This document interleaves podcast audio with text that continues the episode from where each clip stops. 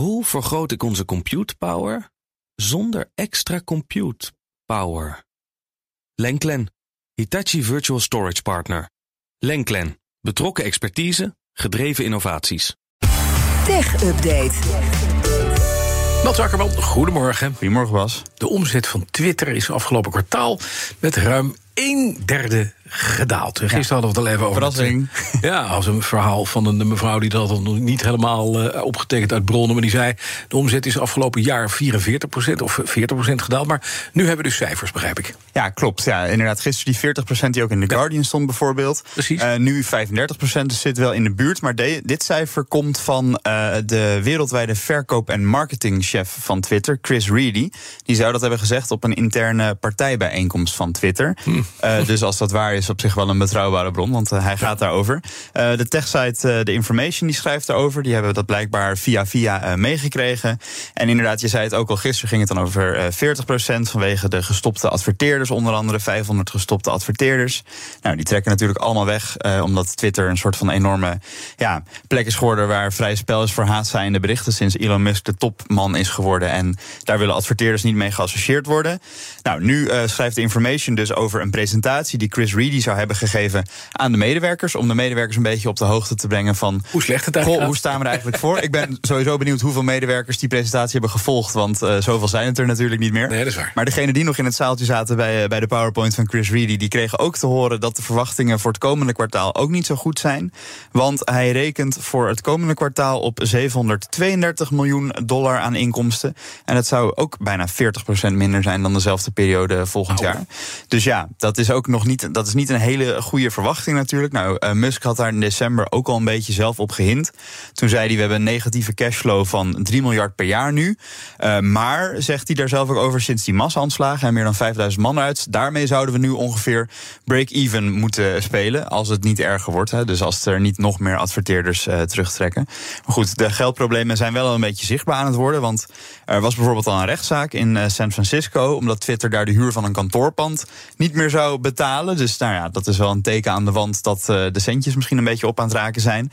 En de Financial Times schreef ook al over mogelijke problemen met de leningen die Musk heeft uh, gesloten met al die banken om Twitter over te nemen. Hij heeft nog 13 miljard aan leningen openstaan en daar moet rente over betaald gaan worden. Maar de vraag is ook een beetje waar hij dat uh, vandaan moet gaan halen. Ja, nou dat heeft hij wel, persoonlijk vermogen. Dan zal hij meer aandelen ja, Tesla moeten gaan kopen. Ja, maar hij, wil vast wel weer de rijkste man op aarde weer ja. opnieuw worden. En dat, dat zit er dan voorlopig nee, even niet meer Precies, en dit is gewoon een zinkend schip. Heeft hij ervan gemaakt. Zelf gaat in de bodem geschoten. Dat helpt nooit als je een schip koopt.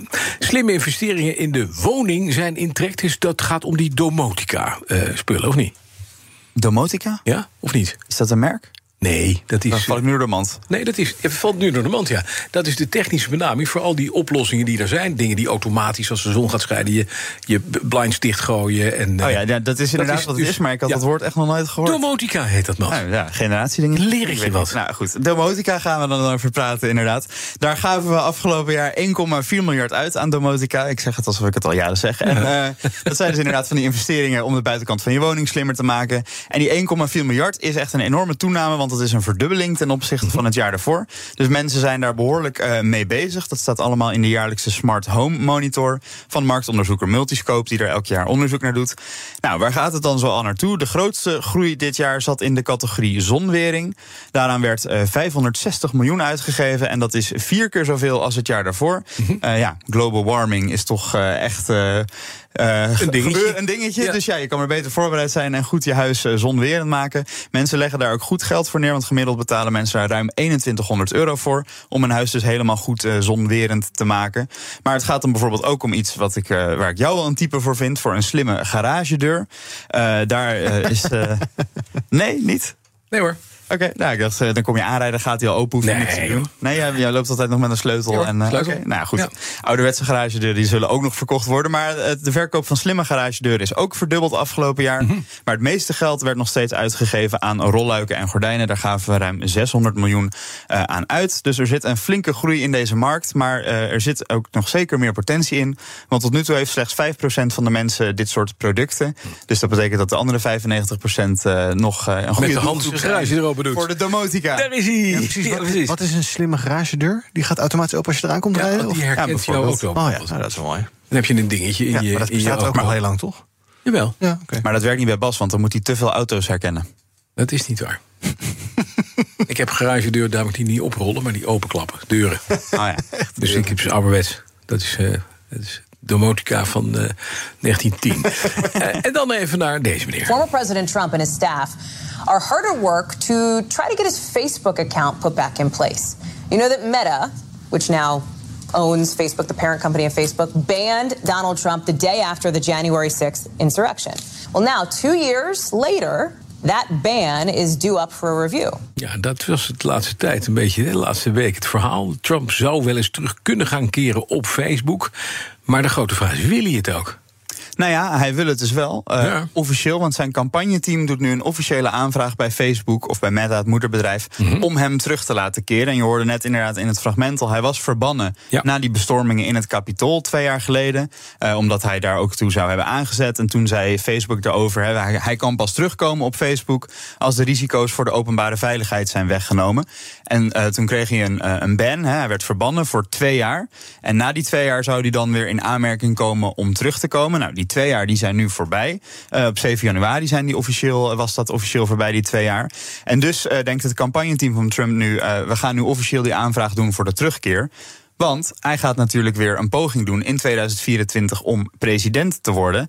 En dan heb je ja, alle mogelijke manieren nodig om je mogelijke stemmers te bereiken. En hij had op Facebook altijd 34 miljoen volgers. Dus dat is natuurlijk wel gewoon een groot potentieel als je daar weer eh, ja, je volgers kan bereiken. Eh, dus een advocaat van Trump heeft nu een brief gestuurd naar de, de, de baas van, van Facebook, Mark Zuckerberg. Daarin vraagt hij om de toelating. Met als reden dat die schorsing die er nu nog geldt, zorgt voor een enorme beperking van het publieke debat. Nou, je kan je wel voorstellen dat als er straks eh, twee kandidaten zijn en de een daarvan is Trump en de een mag wel op Facebook, de ander niet, dat dat misschien niet helemaal eh, eerlijk is. Dus eh, op die manier hopen ze eh, weer terug te komen. En Meta zegt, nou, we gaan de, de normale procedures daarvoor volgen en ergens komende weken gaan we over deze aanvraag dus een besluit nemen. Oké. En dan zou die dus weer terug zijn. Ja, op Twitter is hij alweer terug. Althans, daar mocht hij alweer op. Ja, want toen hij bekend maakte in november dat hij eh, weer voor president zou gaan in 2024. Nou, een paar dagen later mocht hij toen alweer terug op Twitter. Was het gevolg van Elon Musk die eh, daar een polletje over deed met eh, moet ik hem weer toelaten? Nou, het polletje zei ja. Toen mocht Trump weer terugkomen. Dus hij is alweer een tijdje op Twitter online, waar hij 88 miljoen volgers heeft, zijn grootste fanbase. Maar toch opvallend, want sinds hij terug is, heeft hij nog steeds geen enkele tweet geplaatst. De laatste tweet dateert nog steeds van 8 januari 2021, dus vlak na die kapitoolbestorming. En dat was het tweetje voor iedereen die het wil weten. Ik ga niet naar de inauguratie op 20 januari. en dat was die van eh, Joe Joe, Biden. Biden. Ja. Dat staat er nog steeds mooi bovenaan. Dus daar, daar, had hij, daar had hij niet zo'n zin in. Maar eh, hij heeft er dus nog niks over eh, eh, getweet. Er wordt eh, wel eh, gepraat ook over dat hij met zijn campagneteam ook aan het bedenken is van wat gaat mijn eerste tweetje worden als ik straks eh, weer terug ben. Eh, misschien dat hij iets eh groots wil doen, want vroeger tweette hij natuurlijk om de haverklap alles wat in hem opkwam. En nu gaat hij daar misschien een beetje iets tactischer voor doen. Maar eh, voorlopig communiceert hij nog vooral via zijn eigen Truth Social. Maar goed, of het daarmee gaat redden, eh, daar heeft hij namelijk maar 5 miljoen volgers. Dus dat is eh, ja, niet zijn grootste fanbase, zeg maar. Nee, dat, dat blijkt, ja. Versus 88 miljoen, hè, zei je, geloof ik net. 88 miljoen op ja, Twitter, ja. hallo. Ja. Dankjewel, Mats Akkerman. De BNR Tech Update wordt mede mogelijk gemaakt door Lenklen. Lenklen. Betrokken expertise, gedreven resultaat. Hoe maak ik van ons VMware-platform een on-prem AI-platform? Lenklen. NVIDIA AI Enterprise Partner. Lenklen. Betrokken expertise, gedreven innovaties.